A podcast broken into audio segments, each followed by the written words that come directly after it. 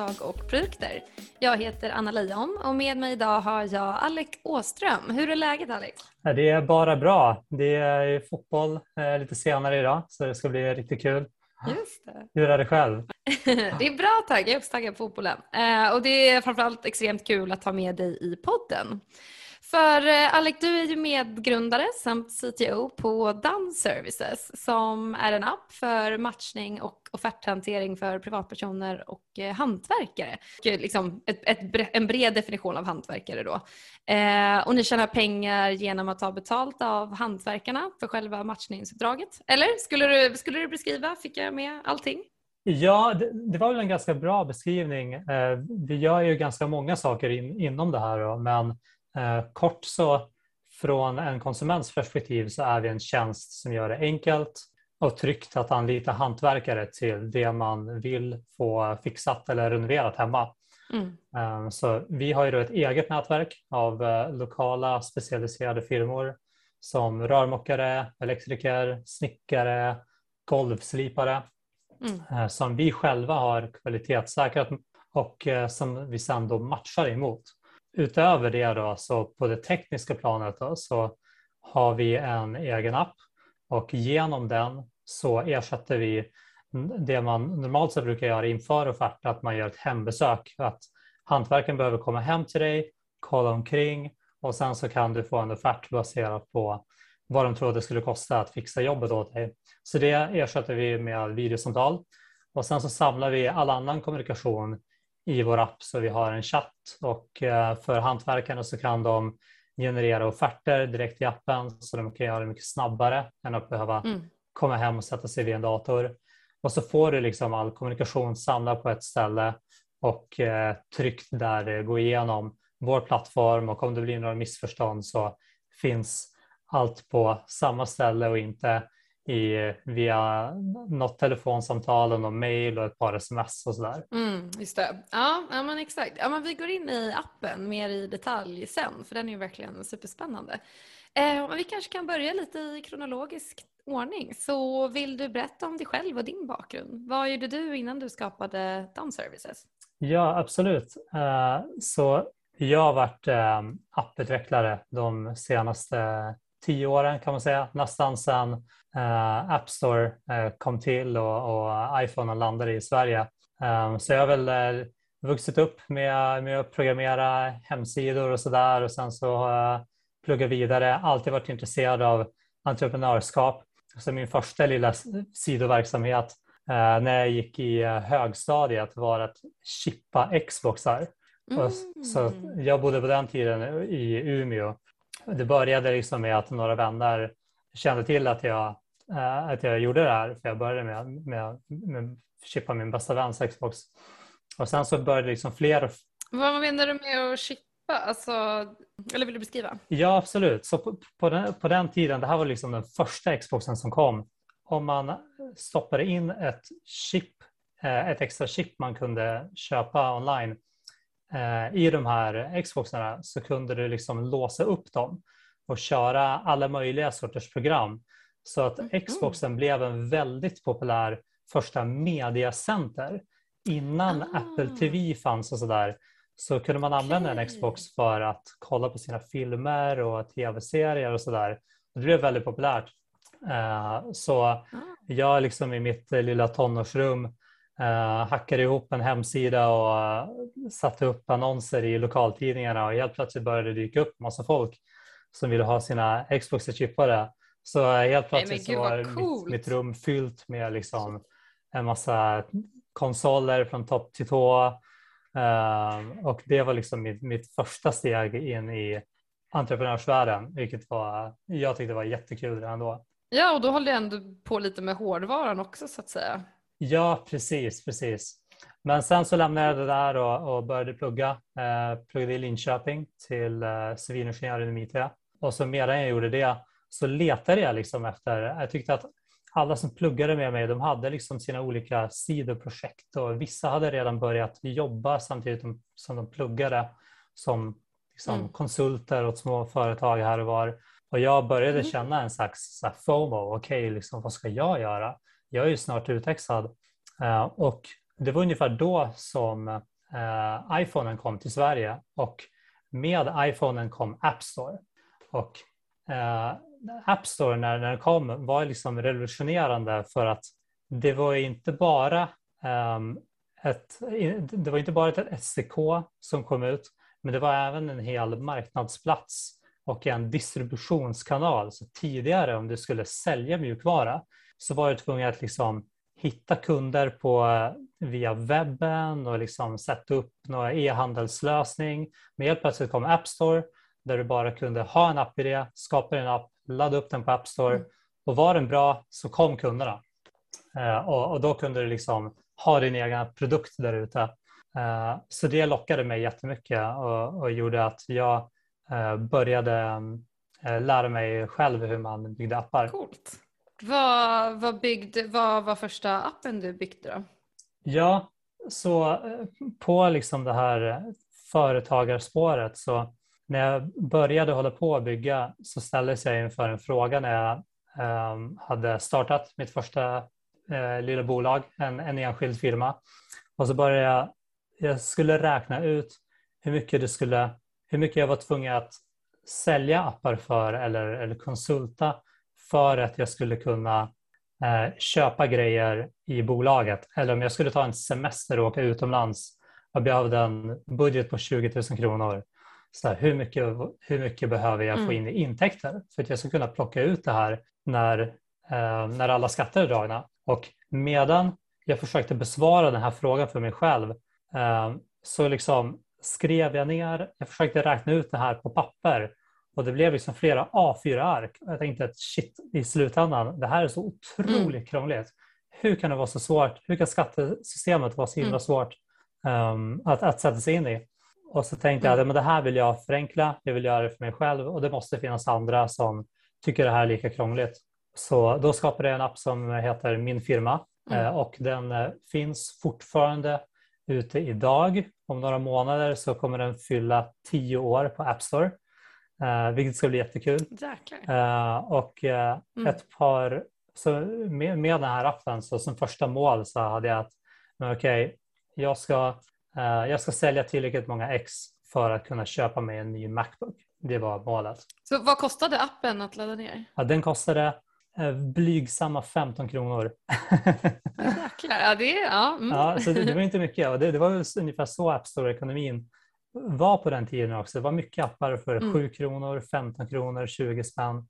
Man skulle liksom tweaka in där, okej, okay, om jag sålde för 7 kronor, då fick jag dubbelt så många användare, men jag fick sämre betyg för att de som eh, köpte min mm. app var inte lika investerade.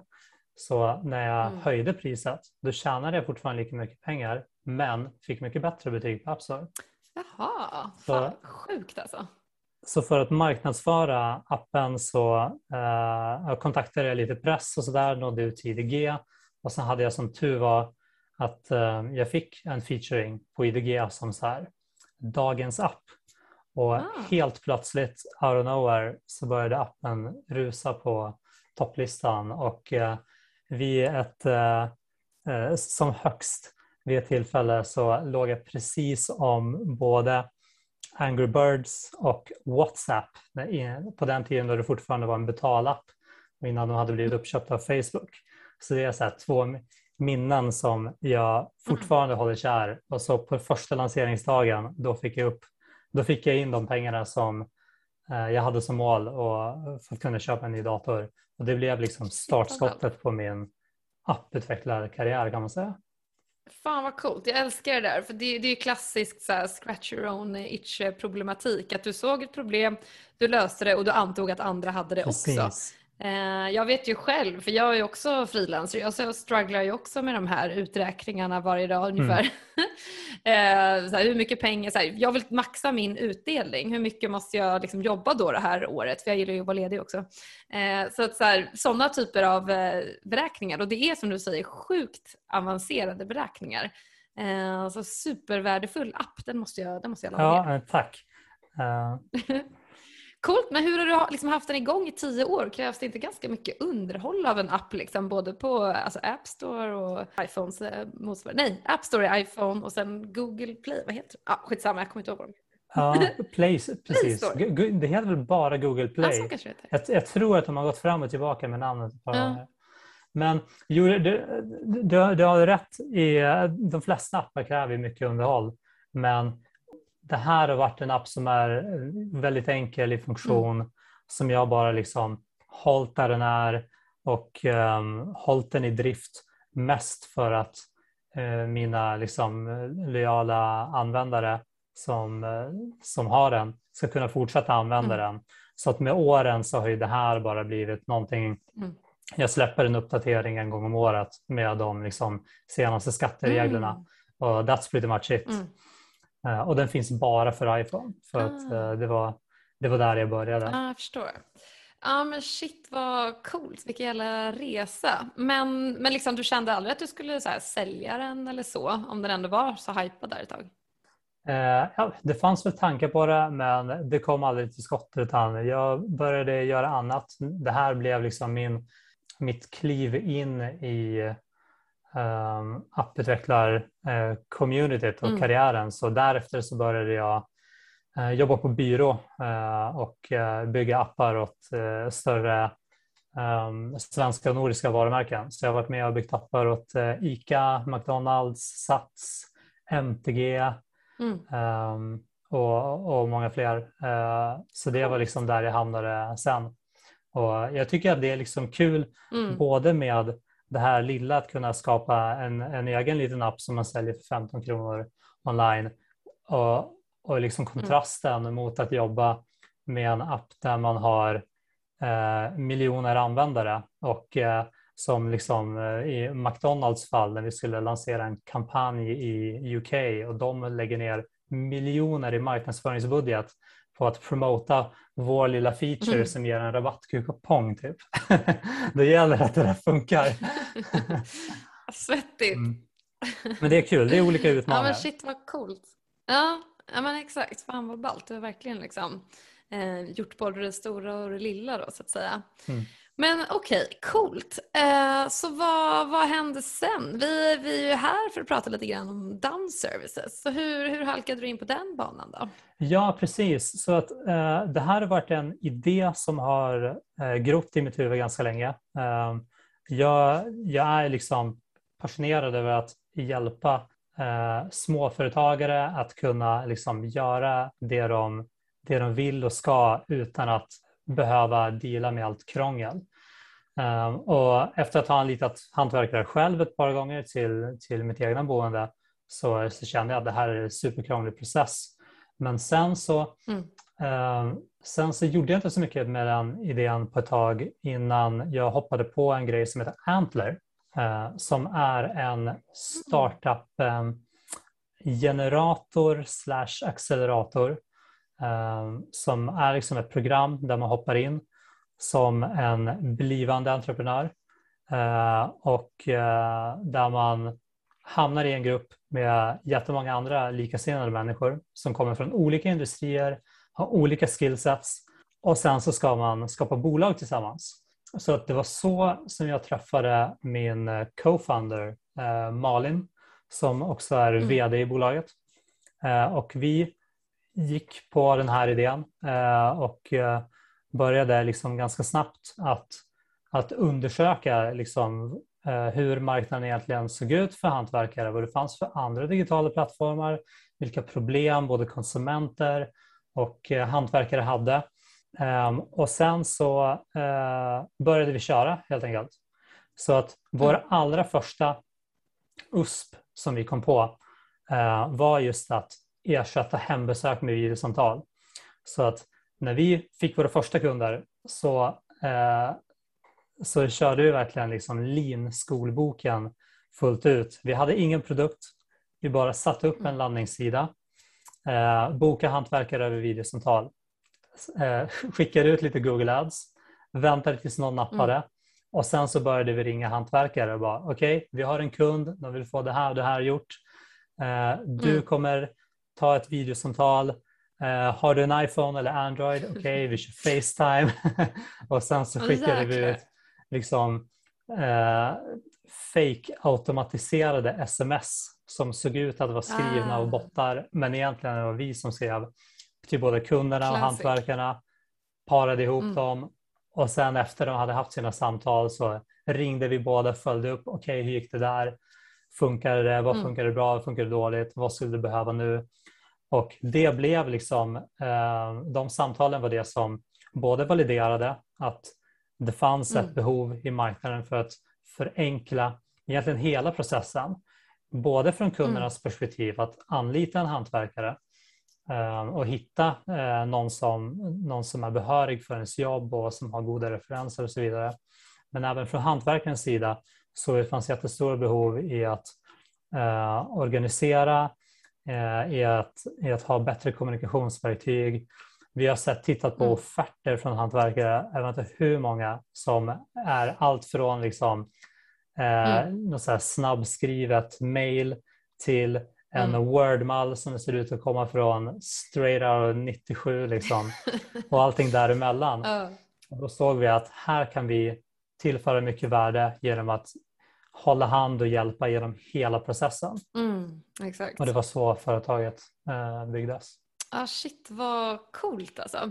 Eh, och jag älskar ju MVP-approachen eller liksom den iterativa approachen som ni tillämpade där i början med att få proof of concept så tidigt som möjligt för att se om liksom det är praktiskt genomförbart överhuvudtaget innan man ens liksom bygger en endaste liten kodrad. Det, det är ju en supergrym approach tycker jag. Um, ja, men, men shit vad soft. Och vad hände sen liksom, i den här uppstartsprocessen? Vad, när, ni, när liksom, ni hade fått lite proof of concept, hur, eh, hur gick ni tillväga sen? Ja, sen var det ju dags att eh, börja bygga produkt och, och samtidigt så var vi tvungna att hitta våra olika tillväxtkanaler.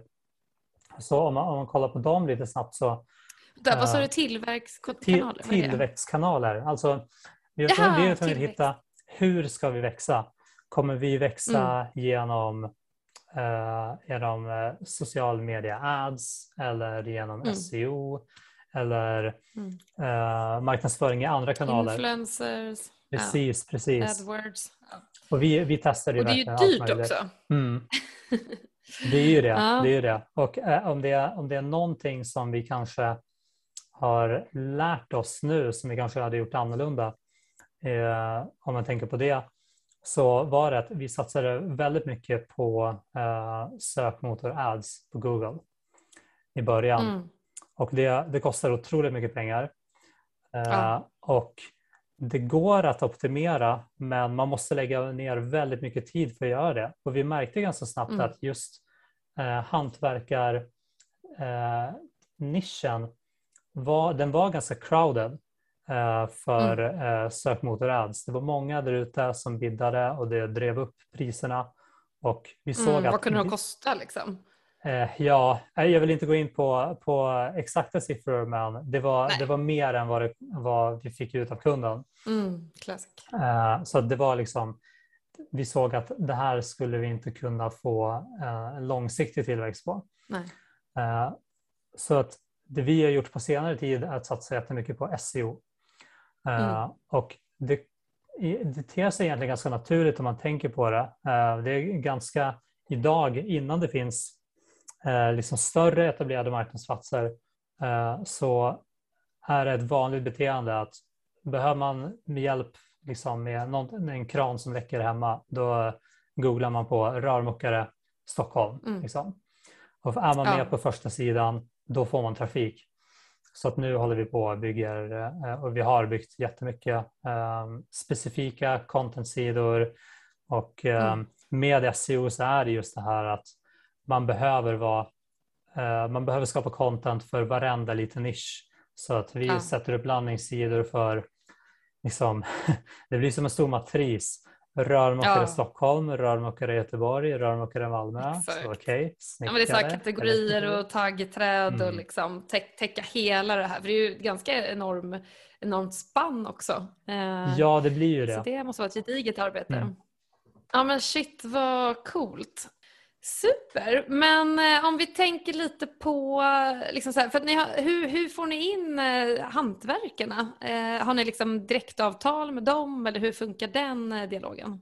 Precis, det har vi. Så vi har direktavtal med dem. Vi Mm. har även eh, vi får in leads via partnerskap eh, vi har också.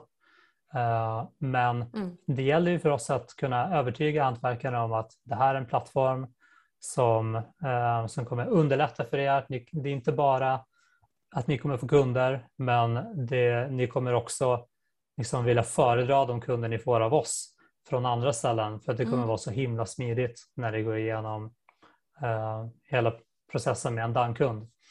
Uh, så det är väl mm. liksom det som vi försöker uh, övertyga hantverkare om när vi, när, vi, när vi ringer och så får vi jättemycket på referenser. När vi väl fått upp Mm. Ett bolag så rekommenderar de en annan firma inom en annan kategori och så där. Så det blir lite av en snöbollseffekt. Och vi får mm. jättebra respons just från, från firmorna vilket gör att uh, man vet att man är på väg mot, uh, mot rätt håll. Mm. Liksom. Ja men shit vad ballt. Eh, för det brukar ju vara lite så moment 22 med den här plattformsproblematiken. Eh, att få in både kunderna och hantverkarna och vilken kommer först. Och, ja, men du vet. Precis, och det är ju som du säger att, att det, det är kanske det största problemet som man har när man bygger en marknadsplats. Mm. Att konstant hålla det här i balans. För att har man för mycket supply, eh, hantverkare i vårt fall, mm. då kommer de eh, då kommer inte de gilla att de inte får tillräckligt med kunder, att det är inte är tillräckligt åt alla. Mm. Men tvärtom, eh, nu till exempel under sommarmånaderna så har vi jättemycket demand för alla vill eh, göra om hemma innan de påbörjar semestern och har det överstökat mm. eller så vill de fixa i sina sommarstugor.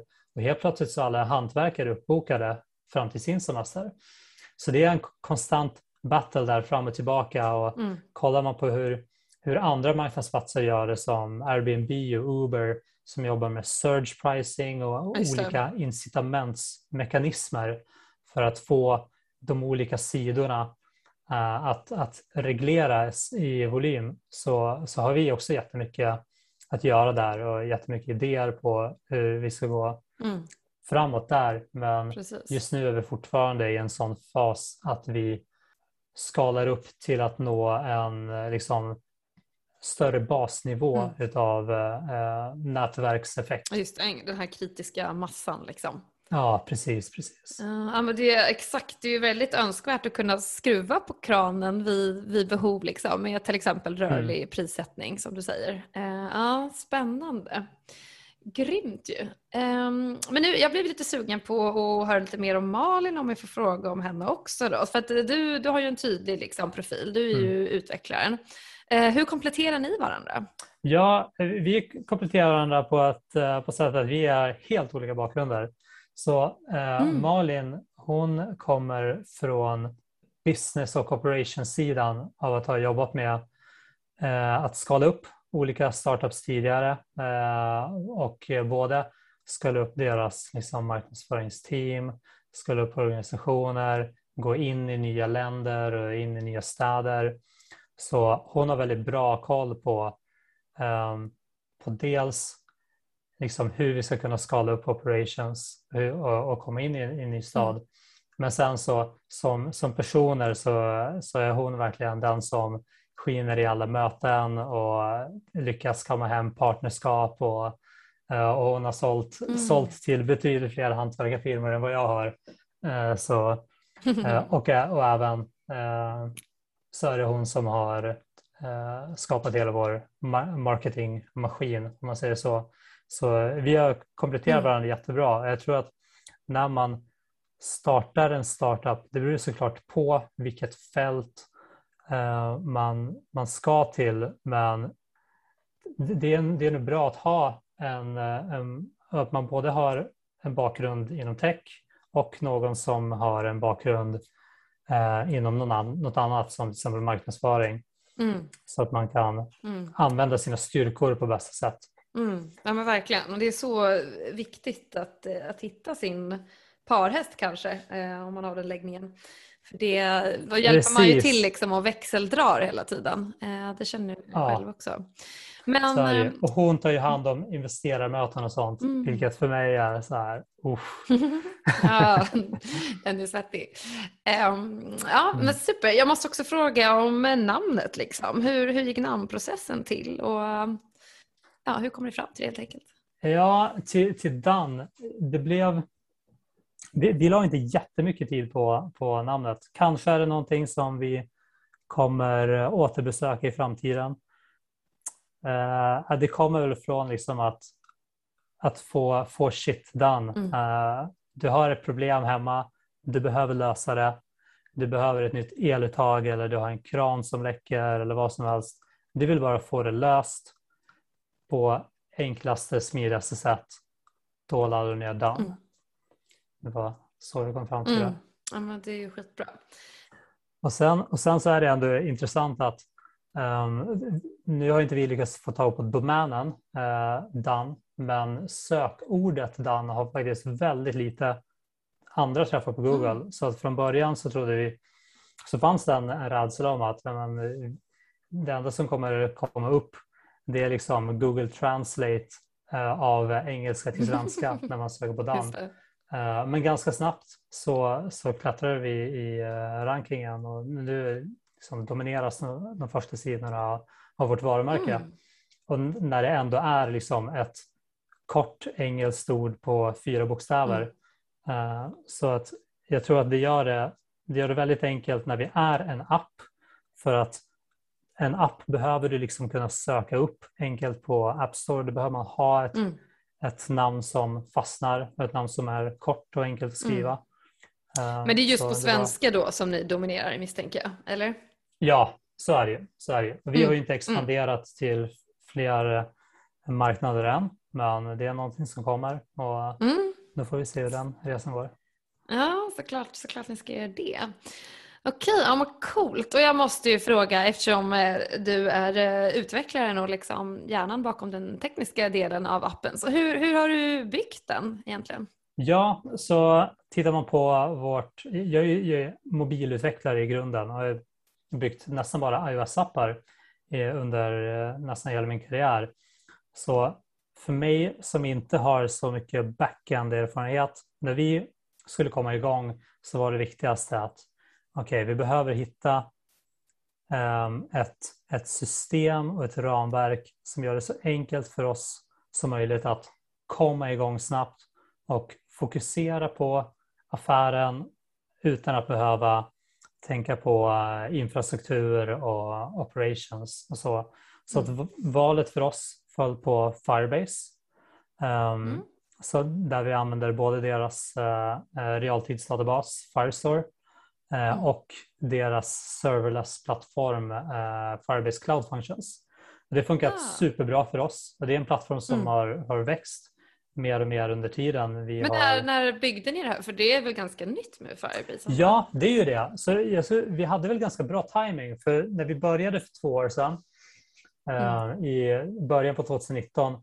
Dels så var var liksom den här delen av Firebase ganska nytt. För tidigare var Firebase bara en databas. Sen så har det blivit Exakt. uppköpt av Google och sen så har de lagt på mer och mer och mer tjänster till att mm. verkligen få det här som en så här, backend as a service där Exakt. allting du behöver finns i form av färdiga moduler mm. i Firebase-plattformen.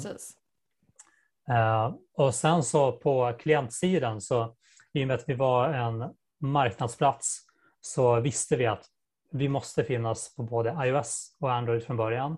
Och inte nog mm. med det, vi behöver både en app för kunderna att boka och chatta och mm. ha videosamtal. Vi behöver också en app för hantverkarna att administrera sina jobb. Mm. Eh, så vi var tvungna att hitta någonting cross-platform. Även fast jag är liksom stolt iOS native-utvecklare så mm så fick vi svälja den stoltheten och, och, och köra ett cross-platform-ramverk.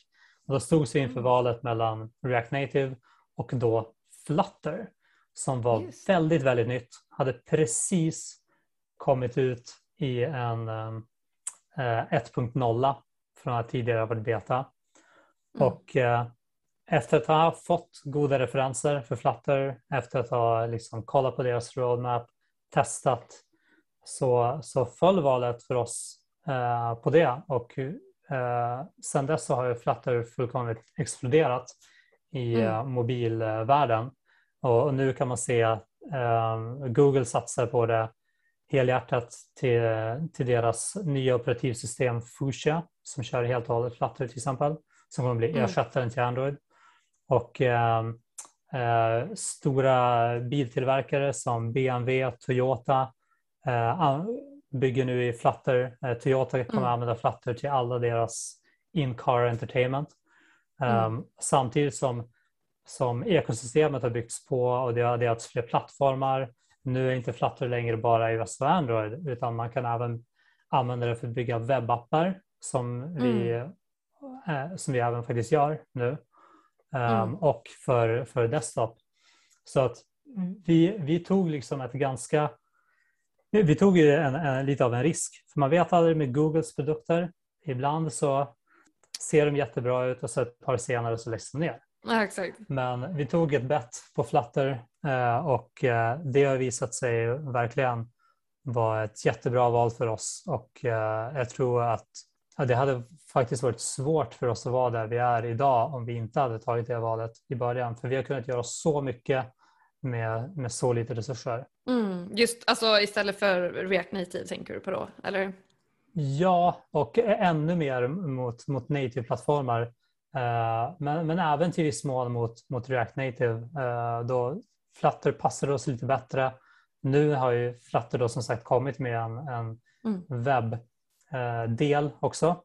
Och det, det finns lite sådana kopplingar för Mm. React Native också, men de är inte lika liksom, eh, first party som, och liksom stödda av, av eh, plattformsskaparna som webben är för Flutter. Mm.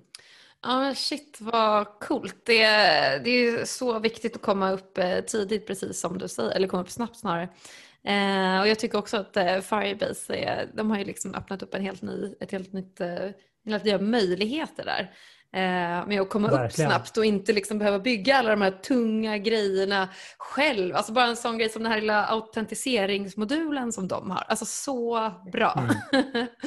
eh, Svingrymt. Ja men gud vad coolt eh, att höra. Och eh, ja, men vi, vi går vidare lite från, från teknikvalen. Eh, men så här, är, det, är det här en heltidssyssla för dig och Malin eller hur, hur, liksom, är det mer, hur, hur jobbar ni med det? Eh, absolut, det, det har varit heltid eh, från dag ett egentligen och det är det som kanske är lite ovanligt också. Men det kom från hur det här Antler-programmet som vi var med i är utformat. Så att det, Mm. det, som, det som är intressant med det är att eh, när man blir antagen till programmet så ger de en, en lön från dag ett, de två första månaderna.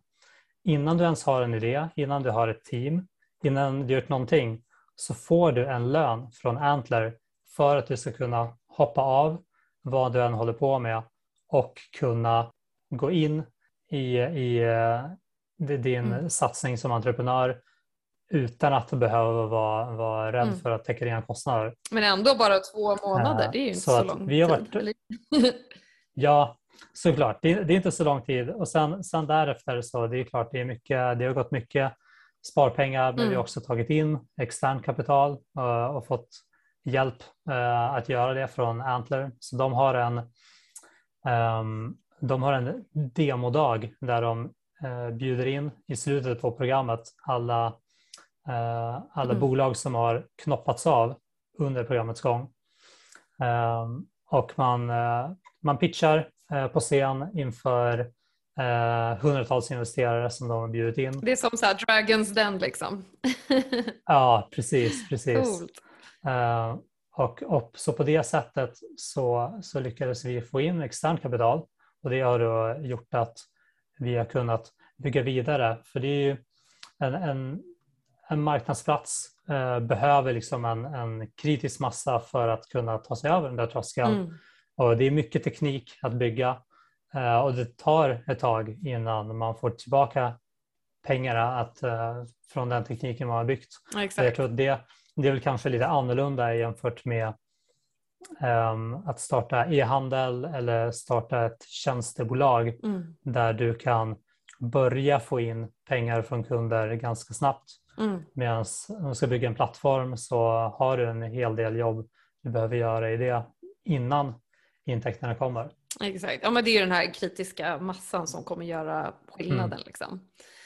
Eh, och sen måste jag ju fråga dig eftersom du, du är så här appkung hör jag ju på långa vägar. Eh, när tycker du att, för att liksom personligen kan jag ibland tycka att folk är, de är liksom spritt språngande galna i appar och att det är så här, allt ska vara en app liksom och du vet så här, det, det, är så här, vi bygger en app du vet. Mm. Eh, att det nästan blir lite löjligt för att liksom, det finns ju vissa negativa aspekter med att ha en app också som så här, underhållet och inlåsningseffekten och ja, det, det, finns liksom helt enkelt eh, ett, ett plattformsval att, att göra där mellan webb och app. Eh, så när tycker du att det passar med app och att utveckla en app och inte för sin produkt? Ja, det, det, har du ju helt, helt och hållet rätt i. Eh, och det finns jättemycket fördelar med, med webben. Men vad, vad jag skulle säga är väl att man ska börja överväga eh, om man ska ha en app om man ser att det här är en tjänst där användaren kommer att vara tvungen att interagera väldigt ofta. Eh, som i mm. vårt fall med våra hantverkare till exempel. De använder ju vår app varje dag, eh, flera gånger om dagen. Eh, och då är det skönt att ha någonting på hemskärmen. Det är, det är bra att få pushnotiser när det kommer nya meddelanden. Det kan man lösa med e-mail eller sms. Men om man behöver gå in i tjänsten och göra saker, agera på de här inkomna meddelanden så blir det enklare om, om man kan ha eh, pushnotiser. Så det är väl egentligen det eller om man behöver specifika funktioner.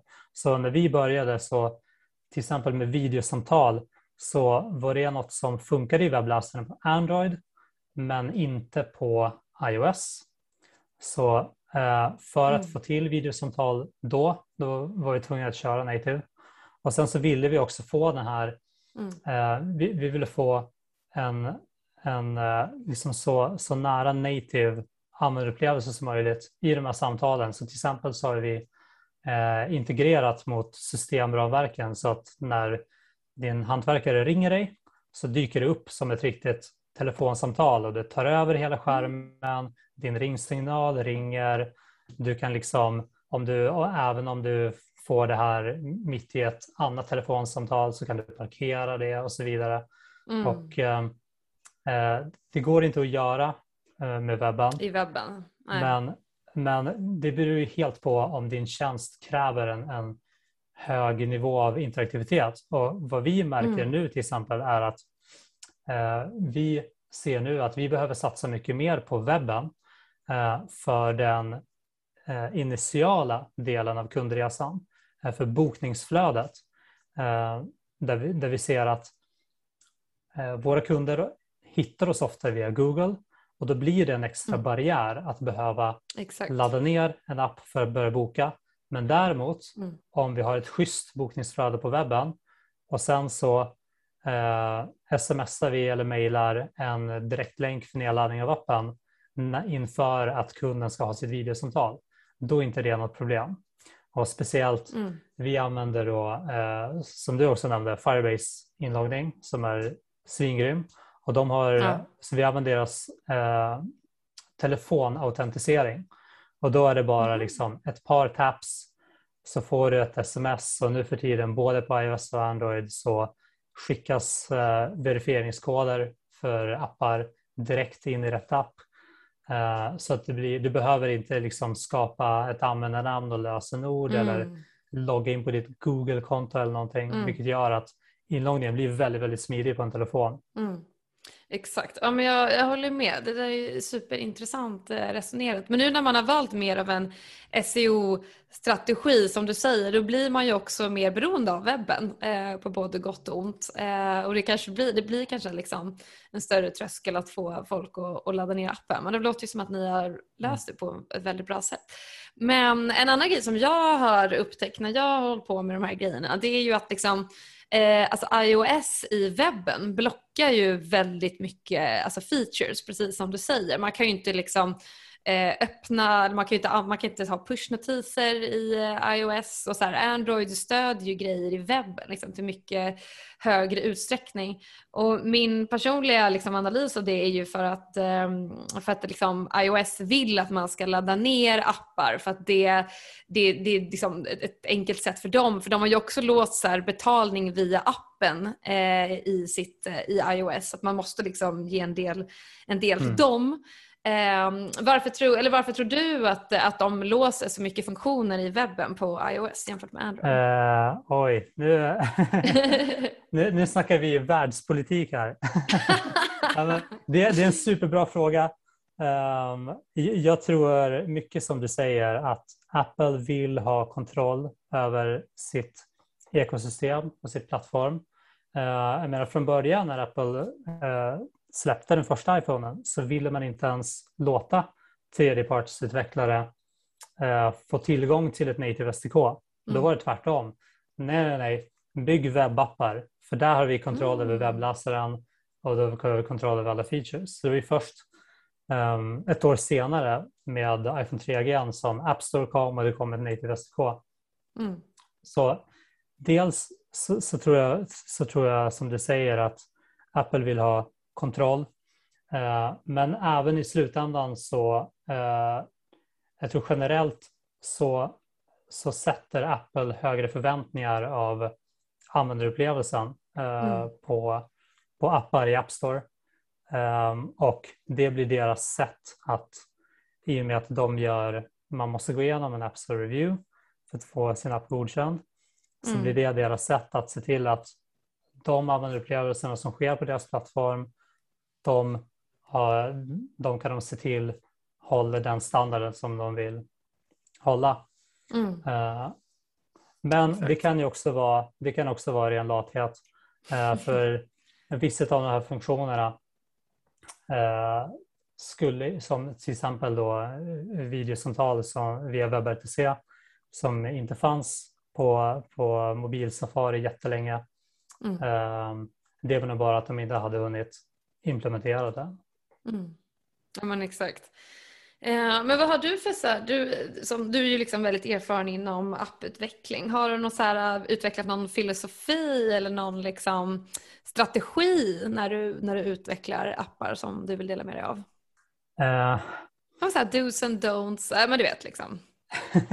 ja, jag förstår. Uh, jag, jag, alla, jag tror att alla har sin egna filosofi. Um, men jag tror att för mig så handlar det väl, i grund och botten så handlar det om att sätta användaren och kunden i fokus. Och vad det innebär för mig är bland annat att ibland så behöver man pusha ut saker även om koden inte är den bästa för att, för att kunna få feedback av användare, för att kunna se är det här en feature som ens flyter det man inte mm. vill göra det är att sitta och fila på arkitekturdiagram och, uh, och sitta med det i månader och skriva allting perfekt med tester och sen så lanserar man en feature uh, utan att användaren ens vill ha den. Mm. Uh, så min filosofi är väl att ha koll på din tekniska skuld, håll den mm. managad, men var inte rädd för att få den ökad eh, om det behövs för, mm. för verksamheten och om det behövs för dina användare. Om dina användare skriker efter en feature, ut med den, ta hand om mm. att snygga till koden mm. sen. Ja, exakt. Um, jag håller med. Uh, ja, men så grymt. Och hur, kom, hur kommer det sig att du är, du, du har ju liksom en uh, preferens då på iOS, så vill du beskriva hur det, hur det kom sig? Ja, jag tror att det började egentligen Eh, så enkelt som att eh, men Apple släppte App Store eh, och när de gjorde det på den här tiden så jag tror att Android hade väl kanske precis kommit ut men det fanns inga betalande användare på, på Android Market. Mm. Om du skulle sälja en app så var det väldigt svårt att få folk att betala för den på, på Android. Det var många appar som hade, även stora appar, som hade eh, en reklamfinansierad modell på Android. men en Mm. betalmodell på iOS. Eh, och jag tror att det var det som från början fick mig att, att välja iOS för Android. Det gjorde att jag investerade min tid i att, i att lära mig eh, iOS-utveckling. Mm. Men sen som med tiden, jag, jag måste ju säga att jag, jag, gillar, jag gillar Apple. Jag har väl varenda Apple-produkt som, som finns. Och, och Mm. de skapar, Mm. det de är otroligt duktiga på är att skapa ett ekosystem där allting funkar väldigt bra tillsammans. Som att jag kan kopiera en sak på min telefon och sen så pastar jag den på datorn. Eh, och det är någonting som är svårt Mm. för andra att konkurrera med. Eh, den, den nivån av Exakt. liksom, interkonnektivitet. Verkligen. Ja, ja bra, bra svar där. Eh, ja, ja, men eh, coolt. Och vad, vad har ni liksom upplevt för eh, kriser eller gjort några misstag under er resa hittills som ni vill dela med er av? Ja, om man tittar på misstag så tror jag nog som sagt att inte satsa på SEO mer tidigare. Eh, det tror jag nog... här- Inte satsa Nej, på nej. SEO, eller sa du sat- Att, att, att att, satsa på SEO tidigt? ja, förlåt, att vi inte satsade på SEO Ah. tidigare. Eh, Mm. Det, det är definitivt ett, ett litet misstag som, som vi nu har korrigerat. Men om vi ska Mm. prata om kriser så, så har jag en, eh, en lite, lite av en bomb att, droppa. Um, Mm. så eh, min, min co-founder Malin, Mm. vi är inte nog med att vi är co-founders i, i samma bolag utan vi är också ett par. Så att vi, Ah. vi träffades genom att vi startade den och sen så, ehm, så nu, nu för tiden så är vi sambos och vi har bott tillsammans i ett par år. Ehm, Okej. och något som hände mig eh, två dagar efter min 30-årsdag när vi precis skulle få in pengarna för vår första investeringsrunda eh, var att jag på morgonen drabbades av ett eh, hjärtstopp. Um, så att samma, samma sak som eh, har hänt eh, den danska fotbollsspelaren eh, här Just om det. veckan, Christian Eriksson. Hände mig Herregud, och du hemma. är lika ung liksom. Ah. Precis, precis. Um, så, så helt plötsligt så blev jag uh, inlagd på sjukhus och ehm, jag, hade som, jag hade väldigt tur i att överhuvudtaget överleva. Då jag Mm. hade eh, Malin med mig och hon räddade mitt liv med hjärt och lungräddning och genom att larma 112. Um, så Mm. det man brukar säga är att för varje minut som går så har man 10% mindre överlevnadschans. Och för mig tog det nio och en halv minuter innan ambulansen var framme. Så att jag, var, jag var nere på en, på en slim chance att överleva men um, Jävlar. Gud, lyckades jag i alla sitter och rysar. Men, men det, det, det, det är sånt där, det var inte så stressrelaterat utan det är bara sånt man får liksom, eller? Ja, det kom helt, helt out of nowhere eh, och eh, Ah. jag genomgick mängder med olika undersökningar på sjukhuset. Man hittade inga exakt. fel överhuvudtaget. Men det, Mm. blev en, eh, eh, det blev en lång väg tillbaka för mig. För att ehm, jag fick um, uh, något som kallas hjärntrötthet eh, i efterhand. Mm. Som, som hjärnan får när man har varit utan syre länge. Ehm, Som Mm. gör att jag hade, eh, om jag satt i möten till exempel, så kunde jag ha svårt att koncentrera mig efter ett tag. Eller jag kunde liksom inte vara i möten mer än tio minuter, en kvart åt gången i början. Och jag var sjukskriven en lång period. Ehm, Mm. och under den tiden, så, speciellt under den första tiden när jag fortfarande var på sjukhus och, och Malin var med mig hela tiden, så helt plötsligt så, så stod vi som bolag utan de två grundarna. Eh, Mm. och eh, vår personal, Och skulle ni precis ta in kapital också? precis, precis. Och vår personal var tvungen att axla allt ansvar, hålla, hålla daily operations och allting uppe. Och det om något lärde väl oss eh, vikten i liksom hur otroligt viktigt det är att ha ett, ett bra team som, eh, som är med en i ur och skur. Och jag tror att vi har lyckats forma det genom att eh, vara liksom väldigt, um, väldigt medmänskliga och, Mm. och försöka liksom få alla som jobbar med oss att vara som en del i, vårt, eh, i, i vår familj. Um, Mm. Så att när vi var borta så kunde de ta över eh, fram tills att vi var tillbaka. Mm. Åh, gud vad fint. Shit. Ja, det var superviktigt alltså. Okej. Okay. Eh, eh, ja, tack för att du delar med dig. Ehm, jag går vidare till eh, nästa fråga. Apropå liksom, misstag och lärdomar och så. Så är det någonting du, du skulle ha gjort annorlunda? Du, du nämnde till exempel att du var väldigt nöjd med det här Flutter-vägvalet. Men finns det något annat vägval som du liksom är mindre nöjd med? Ja, alltså, vi var inne lite på eh, SEO-biten, satsa på det tidigare, Mm. borde vi verkligen ha gjort. Utöver det, Mm. Ja, precis. Och det liksom tar ju tid också att indexeras av Google. Så ju tidigare man... Alltså det, det är ju lite så. Har man varit längre så rankar man ju nästan högre. Eh, bara på grund av precis, precis. Men vi, vi blev också, det, var, det här var en farhåga som vi hade i början Mm. och som var anledningen till varför vi inte satsade på det lika mycket. För vi tänkte att det kommer ta tid för Google eh, att få upp oss i ranking. Mm. Vi behöver komma igång med verksamheten nu. Därför satsar vi på ads. Men vad vi såg när vi väl började satsa på SEO var att det gick faktiskt mycket snabbare Mm. än eh, vad, vad vi trodde när vi väl hade bra content. Exakt. Då såg vi att vi, nu har vi sett att vi har klättrat sida för sida varje vecka Mm. eh, på, på alla våra olika eh, nyckelord. Mm.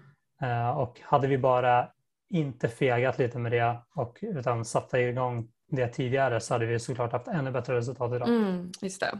Har ni nå, använder ni er av några specifika SEO-verktyg? Jag är ju ett fan av några stycken till exempel. Ja, ehm, så det är inte jag som sitter med SEO egentligen. Det är vår inhouse specialist Ebba. Men hon sitter mycket i SEMrush bland annat. Aha.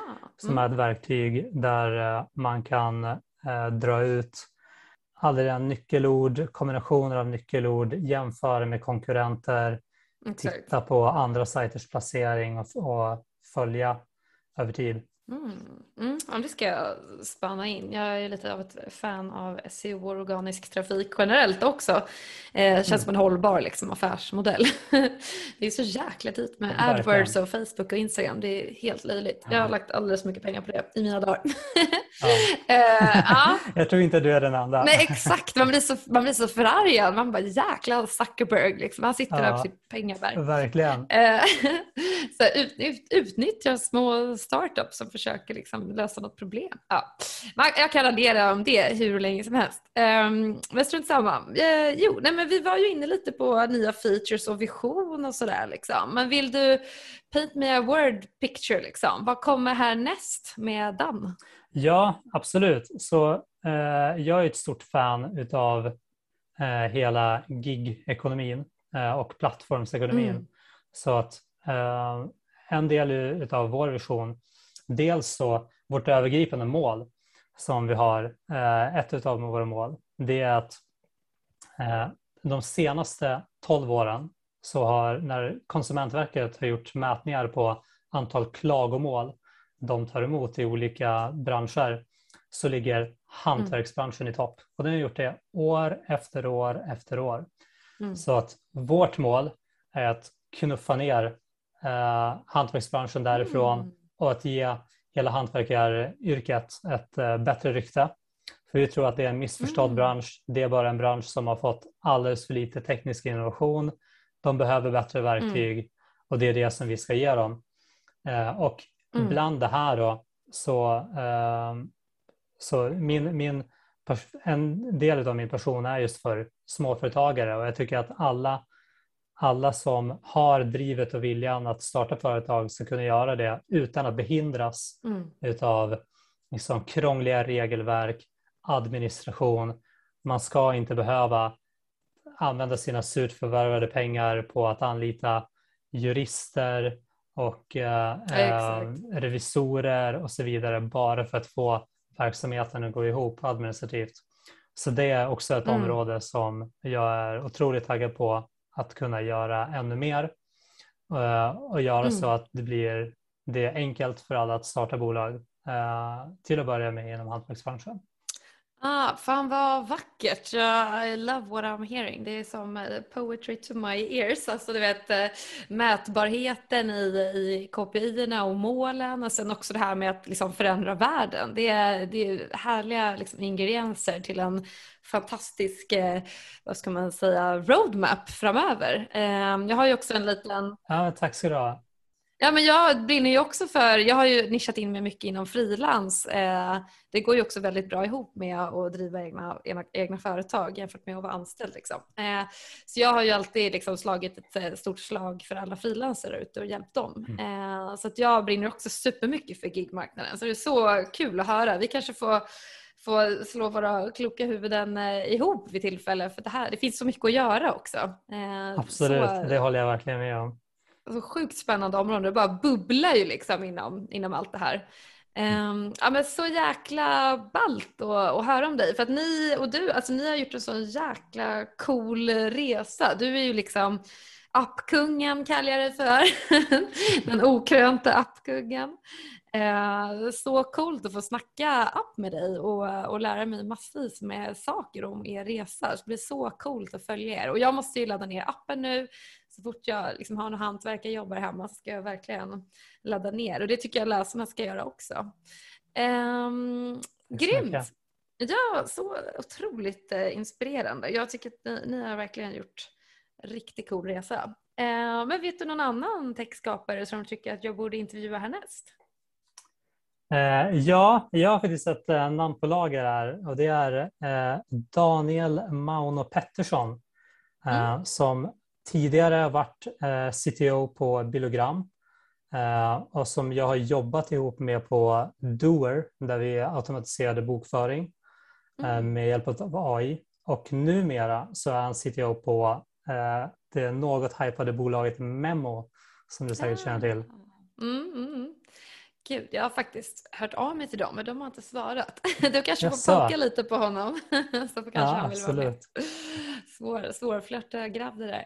Ja men super, så bra tips. Eh, och om du känner honom så får du gärna poka lite på honom som sagt. Mm, det ska jag göra.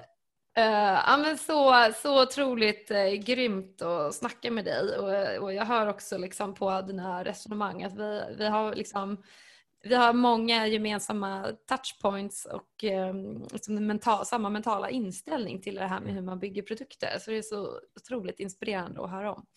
Eh, kul! Ja, superkul att prata med dig. Ja, ja men så, toppen. Då, då hoppas jag att vi hörs eh, framöver. Och tack så hemskt mycket för att du eh, var med. Tack själv. Ha det fint. Tack.